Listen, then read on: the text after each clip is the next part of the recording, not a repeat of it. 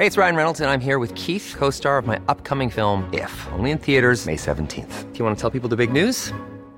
All right, I'll do. Sign up now and you'll get unlimited for $15 a month in six months of Paramount Plus Essential Plan on us. Mintmobile.com slash switch.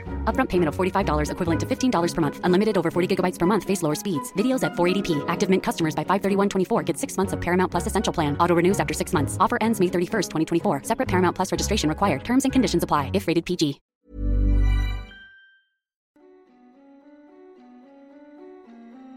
Hej och välkommen till Skräckstunden. En podcast för dig som älskar skräck.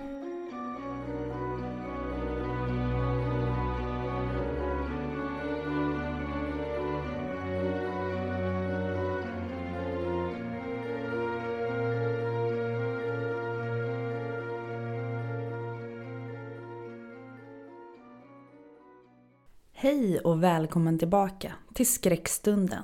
Dag och avsnitt 6. Idag är det lördag och nu när den här skräckveckan tyvärr lider mot sitt slut så ska jag släppa ett avsnitt som innefattar ganska många fler människor och vi ska återuppleva lite den här radioteatern som jag gestaltat ibland. Dagens avsnitt består av en enda längre berättelse skriven av Christian Schultz. Och berättelsen du nu ska få höra heter Gud förlåter mig. Nu kör vi igång. Välkommen tillbaka till skräckstundens skräckvecka.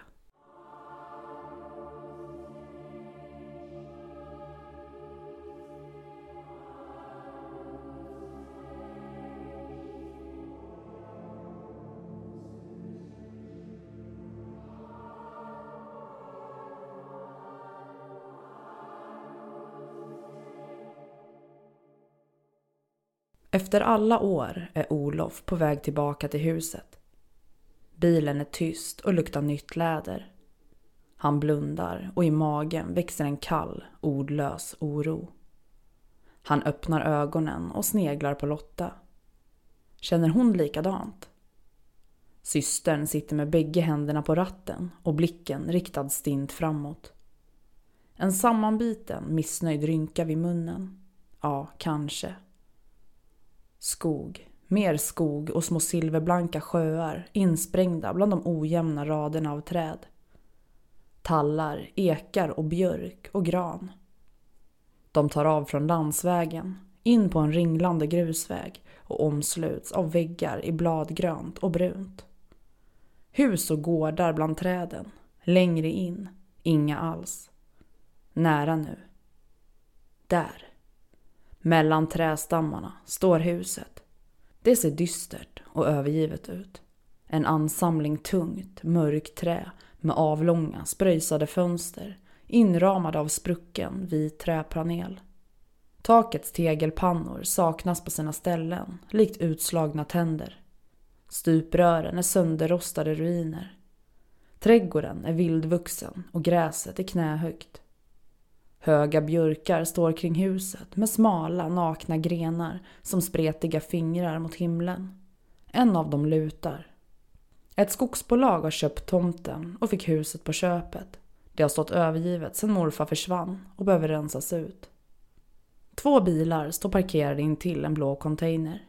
Bredvid dem, de andra syskonen. Hanna, Lars och hans två barn, William och Klara. Jag var precis på väg att ringa säger Lars. Håret är glesare, linjerna i ansiktet djupare än när de såg senast. Något grått, trött, ligger som ett filter över honom. Lotta ger Olof en irriterad blick. Han var inte klar. Olof tränade kvällen innan och hade svårt att varva ner efteråt. Somnade sent och vaknade sent. ja, ungarna var uppe med tuppen. Vore bra om vi alla tar det här på allvar säger Lars. Alltså, vem säger en så? Tuppen. Oh, så cringe. Och vi kunde vara hemma själva. Big deal liksom. Klara himlar med ögonen. Vi blir färdiga snabbare om ni hjälper till. Dessutom ville William följa med och när mamma är bortrest vill inte jag att du är ensam hemma. Säger Lars. Men åh! Orka hålla på och släpa gamla grejer hela helgen. Petter säger att han typ alltid... Jag är inte pappa till Petter, utan till dig. Och då är det jag som bestämmer. Nu är vi här och ni ska hjälpa till. Klara korsar armarna över bröstet. Jävla slaveri. Inte alla har såna ilandsproblem. muttrar Hanna. Lotta får slut på tjafset genom att gå upp för stentrappan och fram till dörren. Det är en tung, gammaldags dörr med en dörrkläpp i mässing formad som ett leopardhuvud. Hon låser upp och går in. Olof tvekar först, men följer sen efter. Luften är fuktig, instängd och tjock av mögellukt. Den breda hallmattan är brun i tonen och mönstret symmetriska eklöv och ekollon. Den känns svampig under fötterna. Minnen dyker upp. Hur rädd han var, obekväm, hur han tryckte sig mot mamma där i hallen och hur morfar mötte dem i dörren och tyst betraktade dem, Fy fan vad det luktar! Som en sunkig skott. säger Hanna. Klara skriker till och tar sig för näsan. Lars får tjata på henne innan hon till slut följer med in. William går med en hasande stil. Ena benet släpar efter resten av kroppen och han tittar storögt på alla saker. En lång hall leder vidare in i huset. Dörröppningar till andra rum. På väggarna hänger dammiga tavlor. Porträtt av män med bistra uppsyner och jaktmotiv. Ett fotografi av mormor och morfar. Han, bredaxlad med mörka ögon, djupt sittande, skarpa och dömande. Och hon, intill, med hårknut och bräckliga smala armar. En trätrappa leder till ovanvåningen och under trappan finns källardörren. Källaren. Olof har aldrig varit där, inte ens känt på handtaget. Över öppningen till vardagsrummet hänger ett metallgrått dubbelpipigt gevär. Vardagsrummet, salongen, är på samma gång avlägset och välbekant. Som en bild från en gammal obehaglig dröm. Påminner om museum från förr i tiden, nedtyngt av historiens allvar. Rummet är tapetserat med ett dovt rombmönster i brunt och rött. Fönstren är täckta av tunga gardiner, mörka som prästkappor. Olof drar bort gardinerna och ljuset strömmar in. I taket, på möblerna och väggarna finns prickiga fläckar av svart mögel likt utsmetade bläckdroppar. Allt är insvept i damm och spindelväv. Taket ramas in av stuckaturlister utsmyckade med skulpterade akantusband. En kakelugn, sammetsgrädda fåtöljer och fotpallar. Ett par låga bord i mörk lackerad mahogny. På ett av borden står ett konjaksglas med en brungrön avlagring i botten. Vid väggen ett glasskåp fyllt med tusentals insekter på nålar. På skåpets lägsta hylla finns en burk med en orm i formalin. Den stirrar blind framför sig med vita ögon. På väggarna hänger uppstoppade djurhuvuden. Lejon, zebror, en gnu och en leopard. När Olof var liten tyckte han att det följde honom med blicken, redo att kasta sig över honom. Försjunken i en djupblå skugga står en staty av en kolonialsoldat med vaxad mustasch, dubbelknäppt uniform och skärmössa. Officer de la Force Public, 1899. Bredvid statyn hänger ett krucifix och en piska med strimmor av läder i långa vassa korkskruvar. På en sidenkudde under en glaskupa ligger en skrynklig, vidrig aphand med fingrarna krökta likt spindelben. Föremålen bär på mörka minnen. En aura av svunnet våld. Det är ärvda från morfars farfar.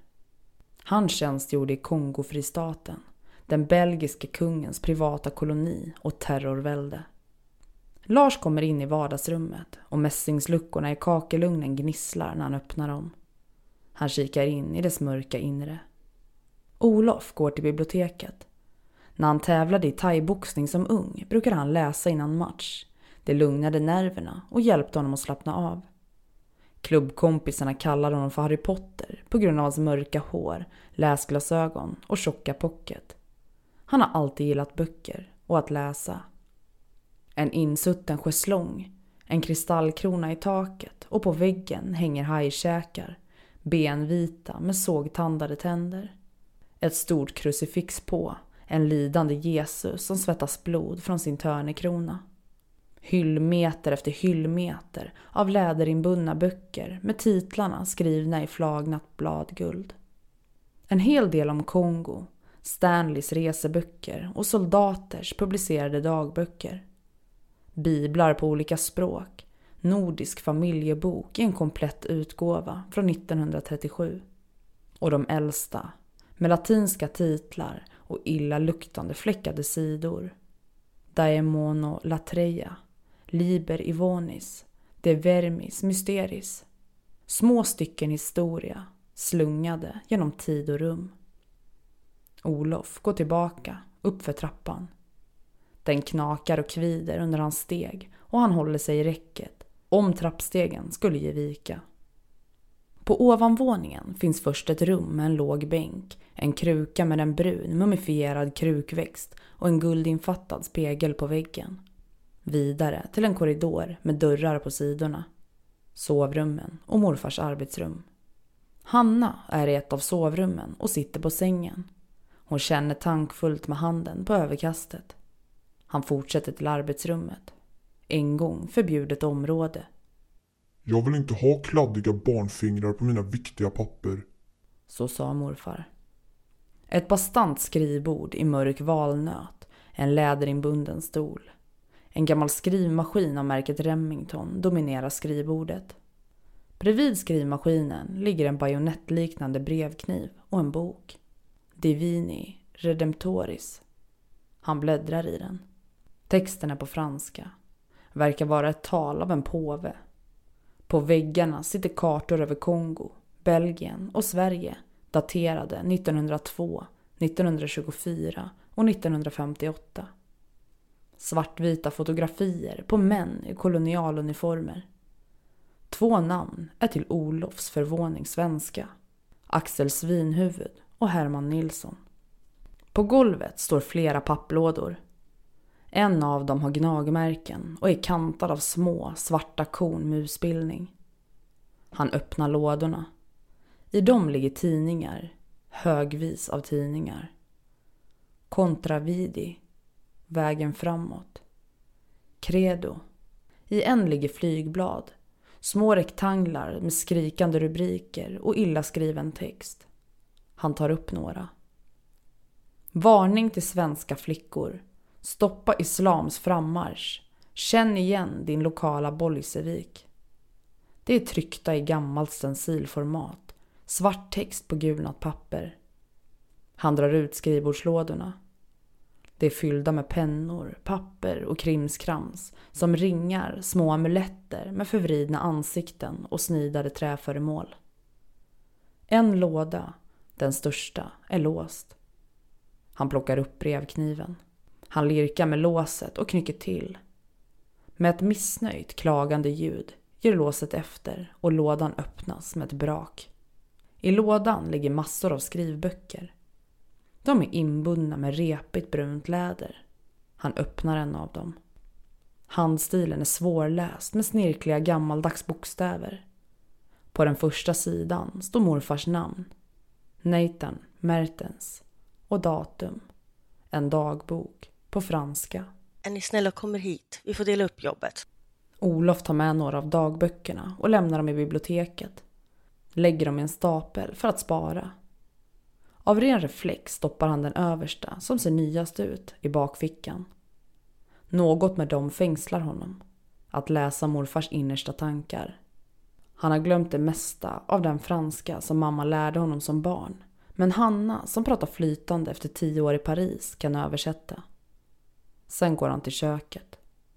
Tapeterna är bubbliga av fukt och buktar ut som att något trycker på. På ett skänkskåp i tung ek med tvådelade luckor och bronsbeslag står dammiga kopparkittlar. Elspisen är flottig och intill står en massiv sotsvart gjutjärnsspis. Morfar eldade alltid i den. Billigast så. Brukade han säga. En korg är fylld till bredden med ved. Vi måste pissa ute. Vattnet är avstängt. Fresh.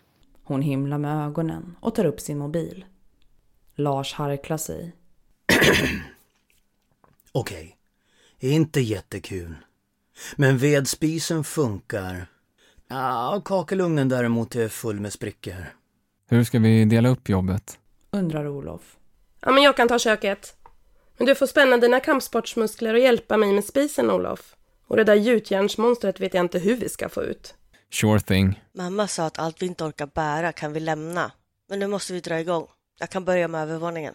Säger Lotta och kollar på klockan. Jag tar biblioteket. Säger Olof. Han vänder sig till William. Du kanske har lust att hjälpa mig? Det är inte så tungt. Lars stirrar på honom. Vad menar du? Det blir tyst. Pinsamt tyst. William klarar mer än de flesta, ska du veta. Fortsätter Lars. Han och hans fru Stina vägrar prata om att William är döende. De låtsas inte om att deras son diagnostiserats med sjukdomen ALS, att den är dödlig. Det är som en skådespelare som ramlar eller säger fel repliker och de andra på teaterscenen inte tar notis om det för att pjäsen ska kunna fortsätta. Det förlamade benet, ryckningarna i händer och fötter, det avtärda dödskallansiktet. Medicineringen är bara tillfällig. Allt är normalt, bara något övergående. Olof har slutat fråga hur det är med honom. Det är ingen idé. Lars blir arg och William svarar inte.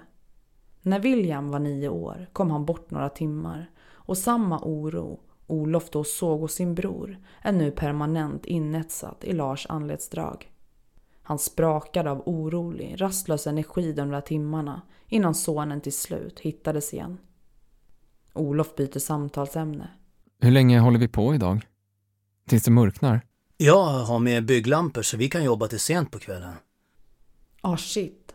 Lotta har bokat in dem på hotell och hotellsängen lockar redan. Gårdagens träning känns i kroppen. Den är öm och slutkörd. Kul! Bästa lördagskvällen! Lars har köpt arbetshandskar åt dem. Gula i grovt läder. Olofs är lite för små. Fingertopparna trycker på och det stramar kring handleden. Men ändå skönt att slippa ta direkt i alla dammiga saker. Lars tar med sig sina barn och följer med Lotta upp på ovanvåningen. Olof går tillbaka till biblioteket. Han börjar jobba och går ut i containern med famnen full med böcker. Han hivar tunga band av Nordisk familjebok ner i containern. Tiden går och det syns knappt att han har jobbat. Även om det finns tomma hyllor är det många böcker kvar. Måste göra på något annat sätt. Fönstret. En genväg. Han drar undan gardinerna och öppnar och kastar böckerna i en båge ner i containern. Hans syskon börjar använda samma metod och saker kommer flygande från övervåningen. Bord, stolar och prydnadsföremål. En låda störtar ner som en komet med en svans av fladdrande flygblad. Han blir medveten om att han är iakttagen. En rörelse i ögonvrån. William står där med sitt stripiga hår och armarna längs sidorna. Det rycker nervöst i hans fingrar. Åh, oh, hej William. Jag såg det inte först. Säger Olof och ler. Du kanske vill hjälpa mig? William säger ingenting. Han står tyst och tittar uttryckslöst på honom. Vänder om och försvinner. Olof suckar. William är raka motsatsen till sin yngre, mobilberoende syster.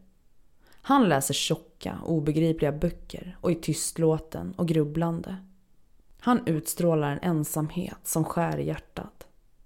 Han var inte sån som liten. Något förändrades och det blir värre och värre. Kanske är det sjukdomens fel. När Olof är färdig med uppslagsverken tar han sig an de tjocka, riktigt gamla böckerna. De med latinska titlar. Han tar av sig de klumpiga handskarna och bläddrar i en av dem. De Vermis Mysteris. En tung bok med texten tryckt på latin och någon form av runor. Den luktar vidrigt. En underlig blandning av metall och mögel. Sidorna är fyllda med kopparstick, demoner, pentagram, fantasiväsen. De andas uråldrig vidskepelse. På det graverade titelbladet finns författarens namn, Ludvig Prinn, bokens titel och utgivningsåret. Bruxelles, 1542. Han kommer på sig själv med att lämna röda fingeravtryck på sidorna. Han kontrollerar sina händer men hittar inget sår. Han tar på sig handskarna igen och kastar boken bland skräpet i containern. Fler vändor, svett springer fram under t-shirten. Han tar en stol och plockar ner hajkäkarna. De är torra och dammiga. Han kan inte låta bli att känna på tänderna och de är fortfarande vassa. Han bär ut dem och dumpar dem i containern. Rast. Alla samlas i köket, äter mackor och dricker termoskaffe. Hanna har tömt skåpen och plockat ner allt från väggarna. Köket känns naket och livlöst. Kolla vad jag hittade. Säger Olof och visar dagboken. Vad är det för något? Frågar Hanna. Det är en dagbok. Du kanske kan översätta för mig? Hon nickar. Får jag se?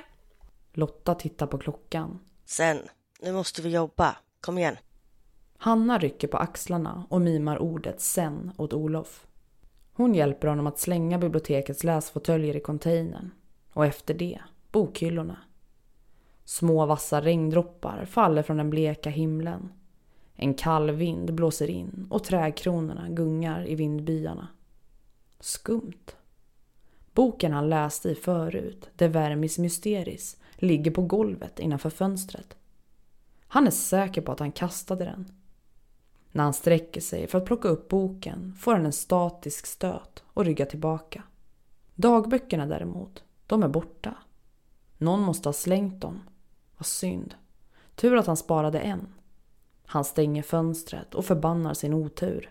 Nu blir det jobbigare att röja. Nu är det blött och kallt. Utan frisk luft sticker mögelsporerna i halsen. En ridå av fallande grått vatten sveper in och gör landskapet diffust och färglöst. Efter ett par vändor är han dyblöt och handskarna är som ett kallt extra lager hud. Han plockar ner och staplar saker istället och får göra grovjobbet imorgon. Krucifixet och kristallkronan. Vinden övergår i storm och den ryter kring huset och regnet hamrar mot fönstren. Kvällen kommer och Lars sätter ut batteridrivna bygglampor i de största rummen. Det starka ljuset gör att skuggorna fördjupas som svart vatten i hörnen. Ett dovt brak hörs från gårdsplanen. Metall knäcks och glas krossas. Olof springer fram till fönstret. En av de väldiga björkarna har vält, rakt över bilarna. Dess rotsystem står upp som kapillärer Tjocka rötter och tunna trådar fulla med jordkokor. Helvete också! Vrålar Lotta från ovanvåningen. Hon springer ner och drar på sig sin jacka och vidare ut. Olof och de andra är tätt efter. Regnet sticker i ögonen och vinden är en väldig osynlig hand som sliter och drar. Trädet har demolerat Lars Volvo och Lottas Mercedes. Hennes bil har fått en tjock gren genom motorhuven och vindrutan är en mjölkvit mosaik av sprucket glas. Hannas lilla Golf är till synes oskadd. Lotta rusar fram till Mercedesen och vrålar något ohörbart. Hon sparkar och slår i bilens plåt. Hennes blonda hår ligger regnsmetat över skalpen och mascaran rinner som sot nerför kinderna. Lars står med händerna för ansiktet. Nej, nej, nej, jag måste ha bilen på måndag. Det här händer inte. Fan! Jag vill inte ta den jävla skitbussen! Skriker Klara. William står oberörd med regnet droppande från hakan. Det spelar ändå ingen roll. Klara vänder sig mot sin bror med ansiktet ihopskrynklat av ilska. Du är så jävla störd. Fucking sjuk i huvudet. Vi får tränga ihop oss i min bil. Vi åker till hotellet innan stormen blir värre. De springer dit. Gårdsplanen är gyttjig och full med vattenpölar. Hanna låser upp och de hoppar in. Det är trångt, speciellt för Olof och hans långa ben. De sitter på varandra i baksätet men han tycker det är skönt att komma undan ovädret. Hanna vrider om nyckeln och motorn drar igång. Hon hinner inte mer än att backa ut innan de märker att något är fel. Hela bilen lutar. Det låter. På ett ögonblick är de ute i regnet igen. De yttersta grenarna på björken har genomborrat ena bakhjulet. Säg att du har ett reservhjul. Säger Lotta med en sträng blick på Hanna. Hanna korsar armarna över bröstet och tittar bort. Jag har aldrig behövt något. Lotta slår ut med händerna. Hur oansvarig får man bli, för helvete? Hanna blir mörk i ögonen och avlossar muttrande en rad franska svordomar. Vi måste gå tillbaka till huset igen. Säger Olof. De hämtar sina väskor och går tillbaka in. Alla är genomvåta och Lotta ringer efter bärgningsbil. Efter ett kort samtal där hennes röst blir allt mer irriterad lägger hon på. De kan inte komma förrän imorgon. Stormen har fällt många träd och de kan inte ta sig fram. Hanna himlar med ögonen och säger något på franska. Vi får sova här i natt. Imorgon gör vi klart. Får hjälp med bilarna och kan åka hem. Vi behöver aldrig komma tillbaka till den här vidriga kåken igen. Säger Olof.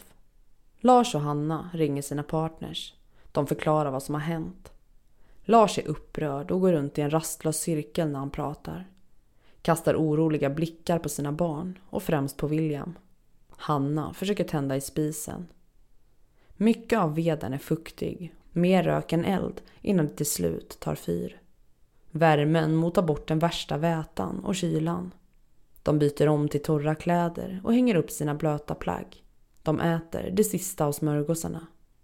De drar ner madrasser från övervåningen. Madrasserna luktar illa, men får duga. Det är för kallt att ligga där uppe. De lägger sig i en halvcirkel kring gjutjärnsspisen.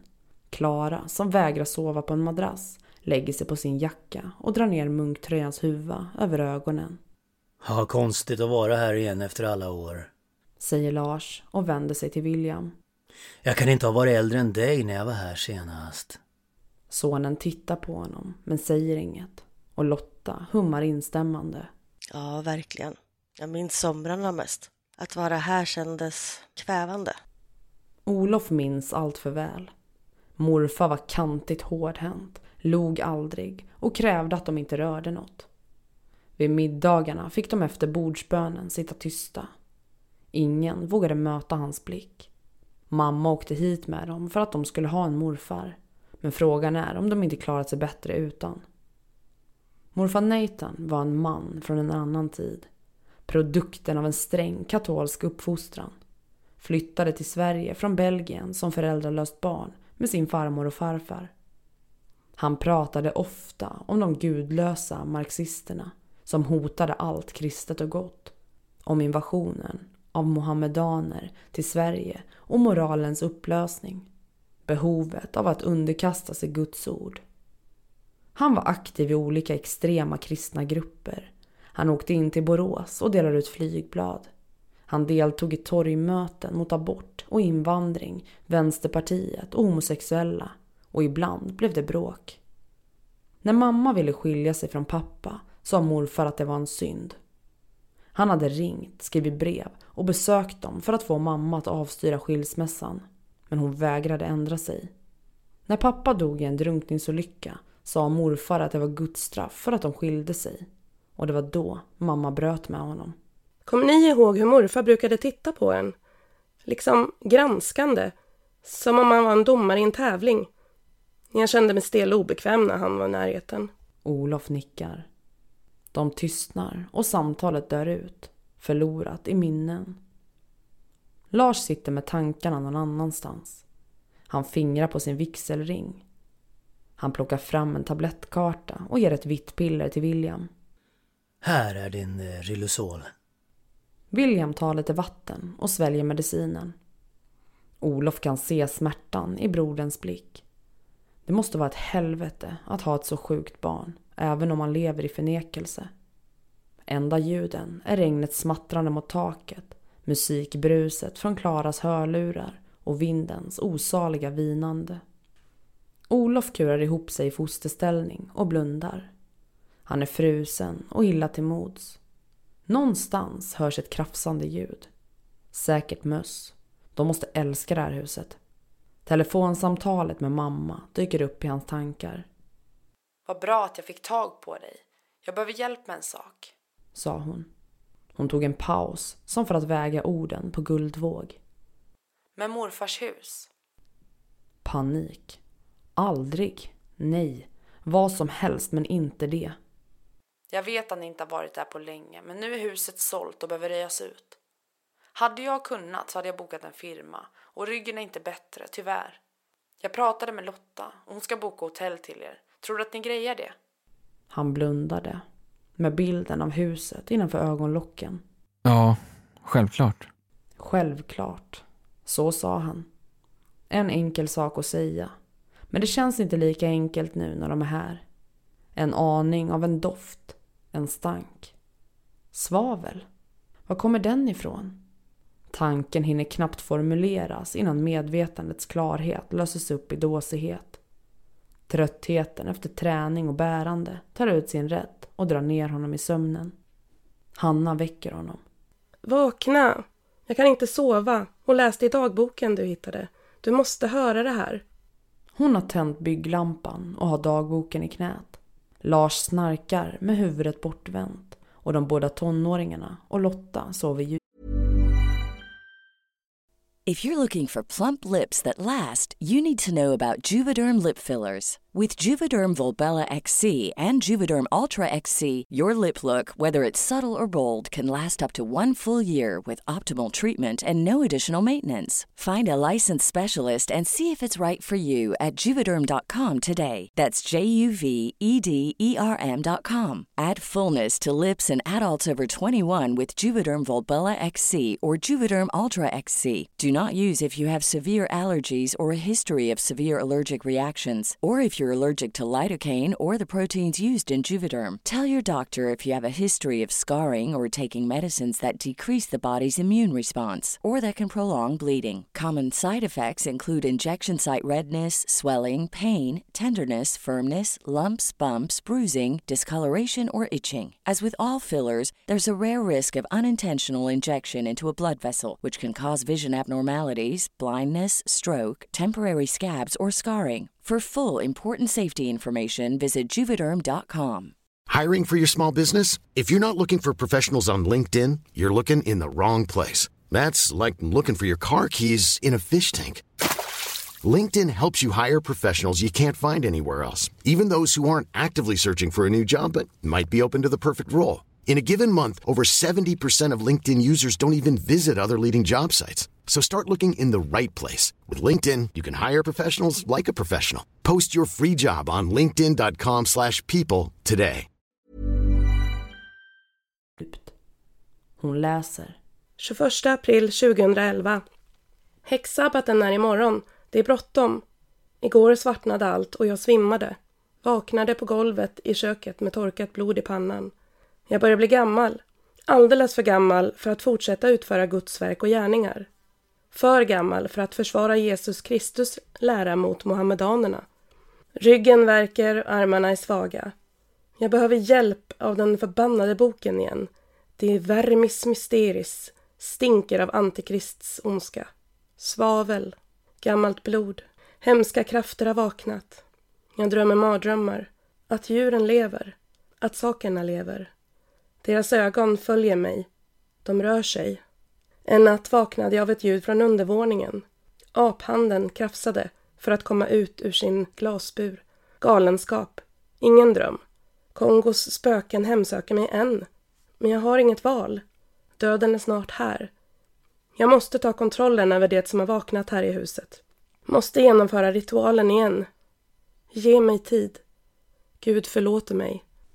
Dagboksanteckningen är från dagen när morfar försvann. Den sista som såg honom i livet var en slaktare i Borås som sålde grisblod till honom. Verkligheten snurrar och Olof känner sig viktlös, drömlik. Spöken, ritualer. Blev morfar galen? Och vart försvann han? Det fanns ingen misstanke om brott. Inga spår. Morfar var sjuk i huvudet. Han kanske tog sitt liv. Att det var därför han försvann. Kanske. De sitter tysta. Ute vrålar stormen och huset knäpper och knakar av dess kraft. Fönstret läcker av det forsande regnet. Vatten har krupit in genom springorna och runnit längs väggen och bildat en pöl på golvet. Nu måste vi sova, mon cher frère, säger Hanna. Hon knäpper av bygglampan och lägger sig på madrassen med jackan över sig. Han är klarvaken. Spisens glöd ger rummet en varm och brandgul färg. Han stirrar i taket. Grova plankor med tjocka balkar håller upp ovanvåningen. I de skuggiga hörnen sitter kluster av spindelväv och torra insektsskal. Morfar levde med vanföreställningar på slutet. Att sakerna vaknade till liv. Tankarna lämnar Olof ingen ro och skickar en rysning längs ryggraden. Han går och stänger dörren in till köket. Han råkar stöta till Lotta. Hon vaknar till, mumlar och suckar. Tack för det. Nu måste jag pissa också. Hon tar på sig ytterkläderna och går ut. Han blundar och in i ögonlockens mörker försöker han tvinga sig att somna. Sov, sov, sov. Ett skvalpande ljud i mörkret, som blöta dunsar, avlägset och dämpat. Det måste vara ett fönster som står och slår. Ljudet av vatten gör honom kissnödig och urinblåsan trycker på. Lotta har inte kommit tillbaka. Säkert skitjobbigt att hitta någonstans med lä. Han inser att han måste gå ut trots stormen och suckar. Han tar på sig skorna och jackan men stannar tvekande med handen på dörrhandtaget. Vinden sliter i dörren och kall luft sipprar in. Han räknar till tre och sen öppnar han. Dörren rycks upp och han får kämpa för att stänga den. Det närmast horisontella regnet gör honom genomblöt in till skinnet på bara ett ögonblick. Dörren till Hannas golf står öppen. Lamporna i bilen är tända. Han går dit och lutar sig mot vinden. Han möts av en ohygglig syn. Lotta är död. Överallt på kroppen finns djupa köttsår som röda kratrar. Bett efter vassa tänder. Utsmetat blod. På sätena ligger hajkäkarna från biblioteket omkringkastade. De är klibbigt röda. Köttfibrer sitter fast på deras krökta vita tänder. Han kan inte ta in vad han ser. Det är för fruktansvärt. Han knuffas in i ett vakuum och all luft försvinner. Han försöker skrika men tungan har frusit fast mot gommen. Yr stapplar han genom vindens dån tillbaka mot ytterdörren. Det blir svart. Hanna hittar honom i dörröppningen. Vad har hänt Olof? Han pekar mot golfen och får inte fram ett ord. Hon hjälper honom in i köket innan hon går ut igen. När hon kommer tillbaka är hon askgrå i ansiktet och galla hänger i en lång seg sträng ifrån munnen. Hon ser ut att ha åldrats 20 år på bara någon minut. Lars och ungdomarna vaknar. Lotta är död, säger Olof. Lars sätter sig upp med ett ryck. Vad sa du? Hans ansikte är förvridet av chock. Olof svarar inte. Han fumlar med mobilen innan han ser att det inte finns någon täckning. Stormen måste ha skadat masten. Helvete. Han känner sig avskild från världen, som att han är med i en film. Ingenting känns verkligt. Han drar en darrande hand genom håret bara för att känna att han är kvar, att han finns. Hur hamnade hajkäkarna där? Vad hände? Och hade Lotta ens vaknat och gått ut om han inte hade stängt dörren till köket? Skulden lurar som ett rovdjur, redo att sluka honom. Minnesbilder flimrar i huvudet. När Lotta och hennes kompis spelade döda när han var för jobbig. När hon hjälpte honom att hoppa från sexan på badplatsen. Eller när han ringde hem till hennes tonårscrush bara för att hon skulle få höra hans röst. Lars sjunker gråtande ihop.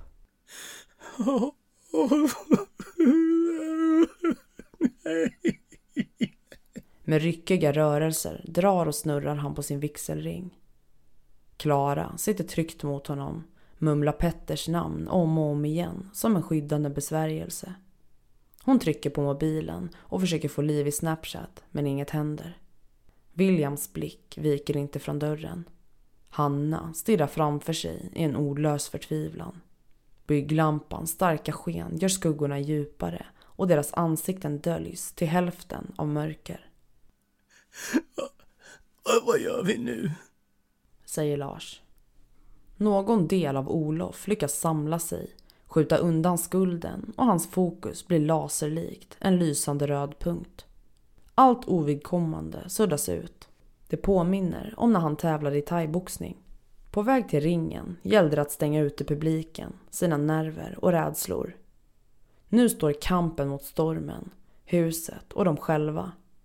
Han torkar bort tårarna med handens baksida.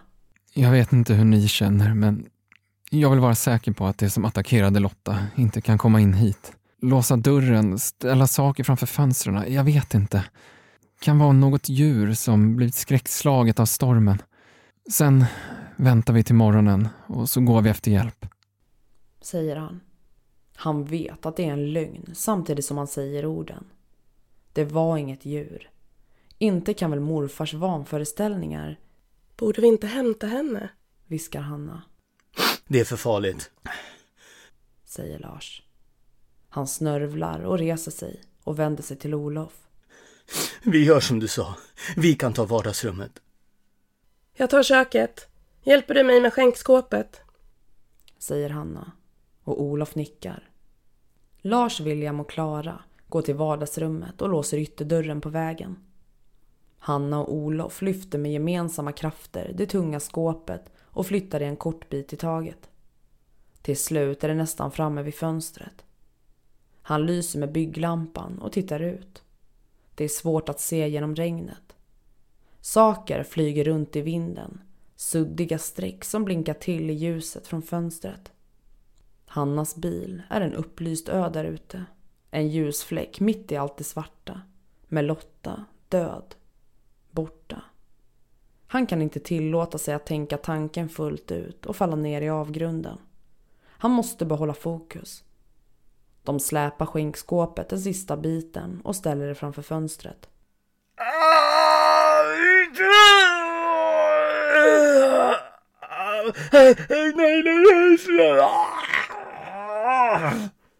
Ett genomträngande skrik ekar genom huset åtföljt av ett flertal blöta och smattrande dunsar.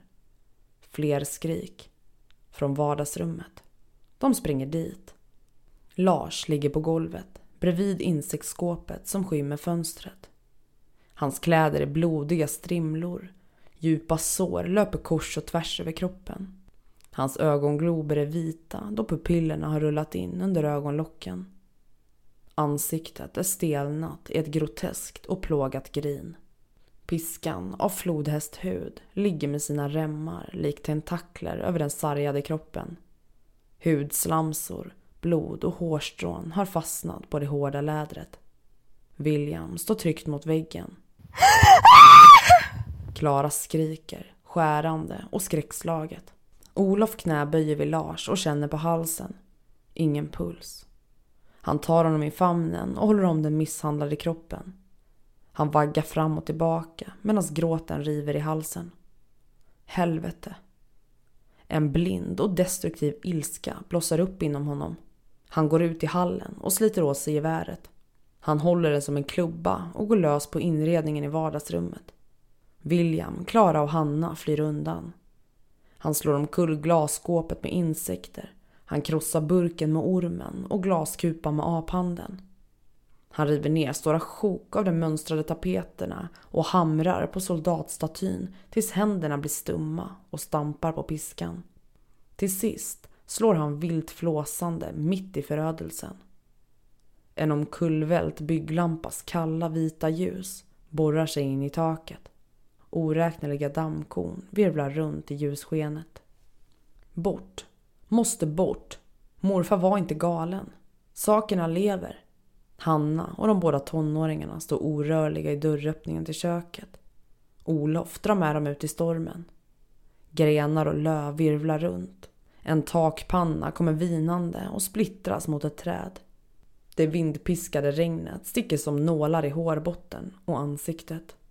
De går långsamt och stormen trycker dem bakåt och William drar det förlamade benet efter sig. Olof träffas i ryggslutet av något hårt. Han faller handlöst framåt och sjunker ner med händerna i den kalla, vattensjuka grusvägen. Smärta pulserar av smällen och det kommer bli ett rejält blåmärke. Någonstans i skogen hörs braket av ett träd som faller. Hanna stannar. Vi måste vända! Hon har rätt. Stormen är för farlig.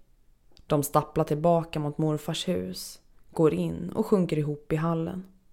Den förtätade tystnaden är ett levande väsen, närvarande och tryckande. Stormens kvävda rytande smyger runt huset. William går iväg. Olof vet att han borde följa efter, men orken är slut. Han sitter kvar som fastgjuten. Sekunder blir minuter och till slut så reser sig Hanna på ostadiga ben. Vi måste se efter vart han tog vägen, säger hon. Hennes initiativ ger Olof nya krafter och han kommer på fötter. Smärta strålar längs ryggraden. Han känner sig genast gammal och sliten. Hanna plockar upp en bygglampa och leder vägen.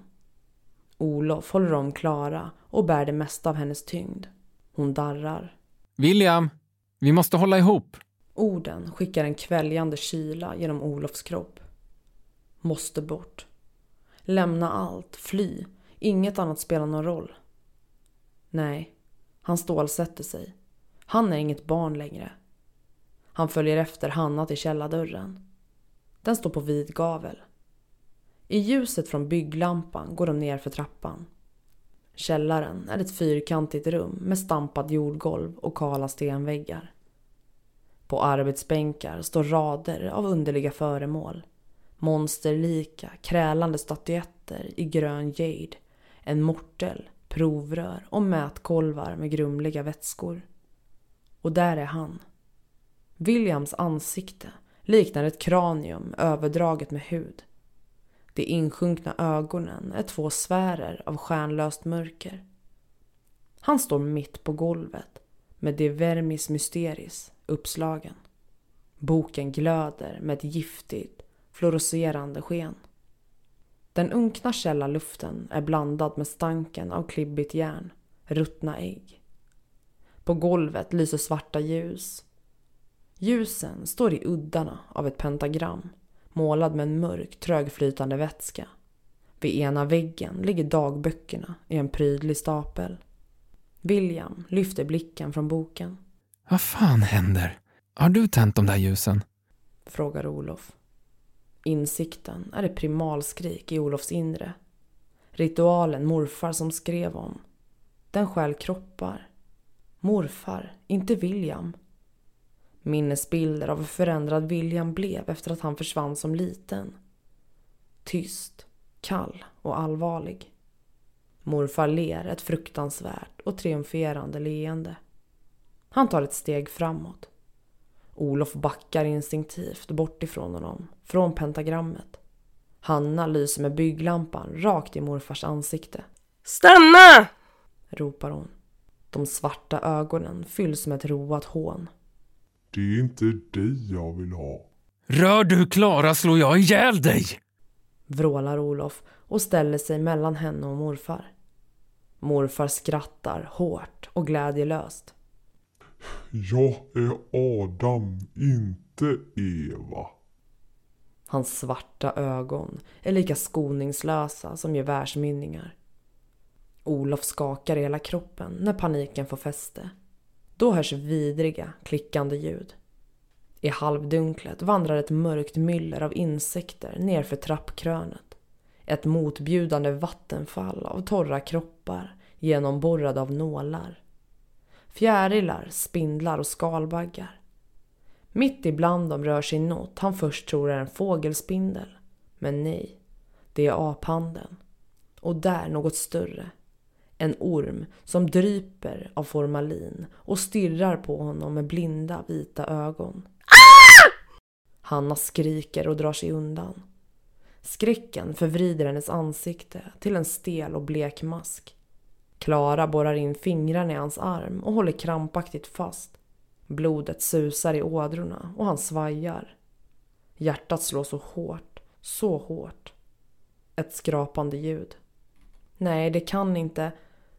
Siluetten av en människa i den öppna källardörren. Framåtlutad, huvudet en puckel mellan axlarna. Hanna riktar bygglampan uppför trappan. Hon ger ifrån sig ett ynkligt pipande ljud. Det är Lars, men ändå inte. Ett själlöst skal. Koagulerat blod har klumpat ihop hans hår och gjort ansiktet mörkstrimmigt. Munnen är halvöppen. Ögonen är slocknade och oigenkännliga. Det krasar av nedtrampade insekter när han, eller de, går ner för trappan.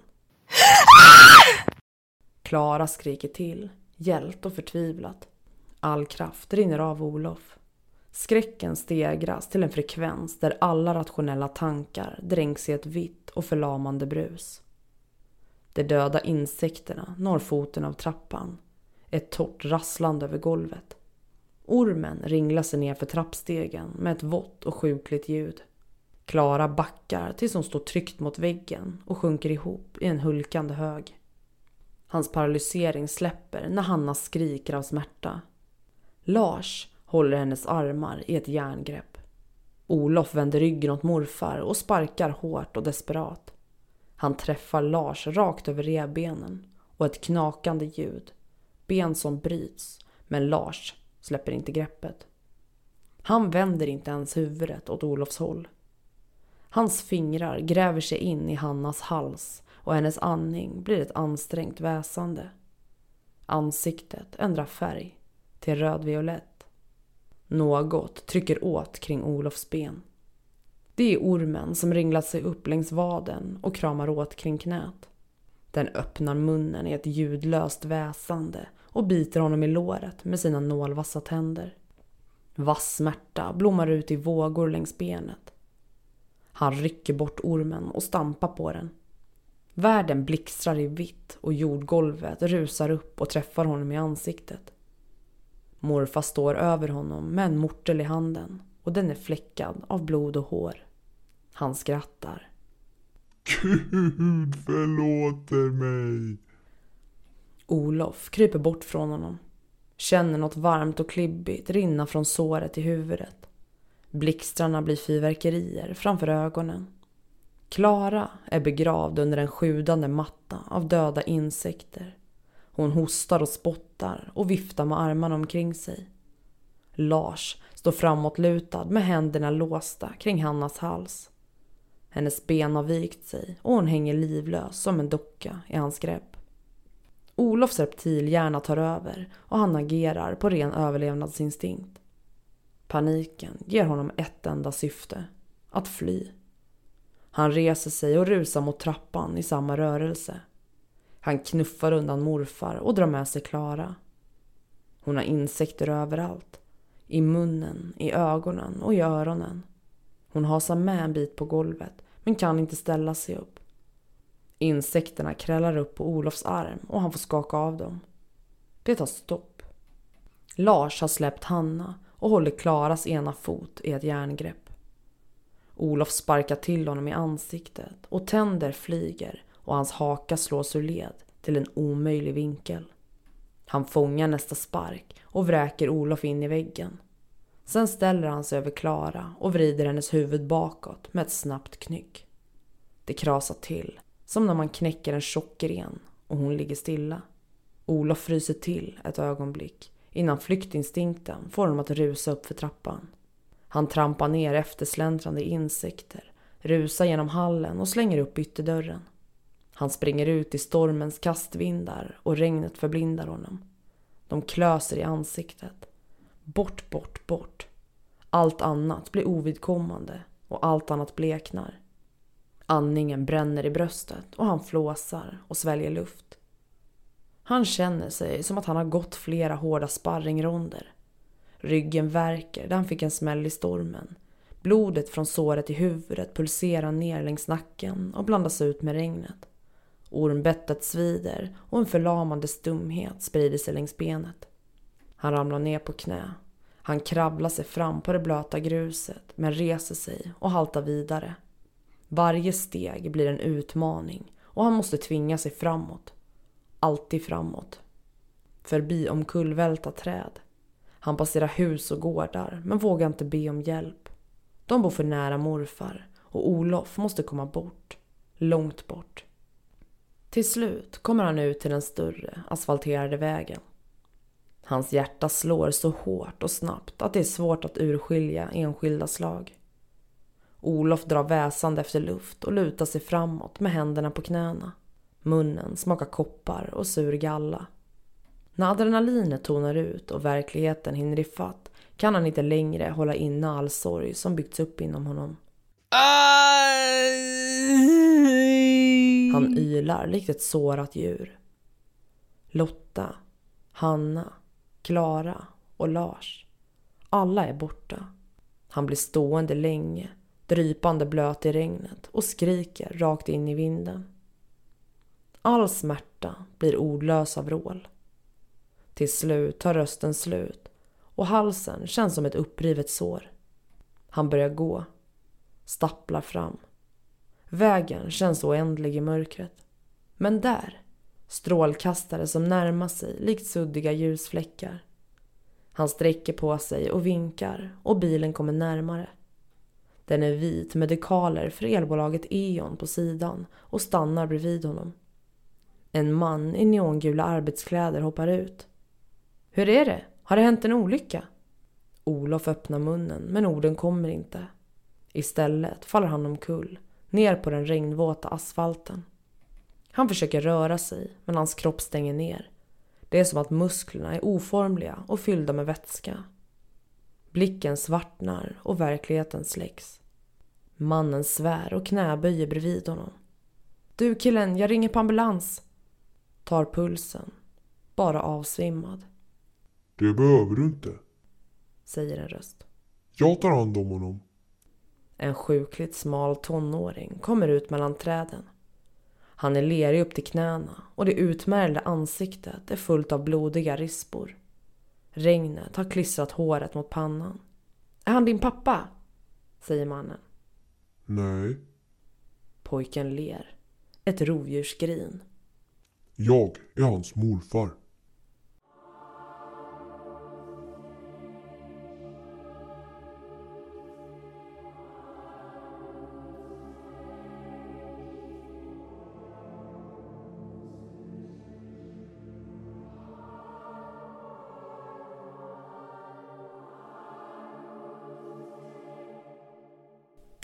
Hört berättelsen Gud förlåter mig skriven av Christian Schultz. Jag vill ägna ett stort tack för hjälpen till mina goa röstkollegor. Emil ifrån Monsterboxen, alltid lika fantastisk. Vi har Mattias ifrån podden Mannen med den gula rocken. Vi har lyssnaren Malin Bredenberg som har hjälpt mig idag. Och även lyssnaren Frida Häggström. Jag vill tacka er alla så jättemycket för hjälpen. Och även tack till en annan lyssnare som har valt att delta men att vara anonym. Men tack så jättemycket för hjälpen. Alla goa röster. Du glömmer väl inte att följa mig på mina sociala medier? Alla länkar till dem ligger i avsnittsbeskrivningen under avsnittet. Tack för att du har lyssnat. Vi hörs imorgon igen i dina lurar.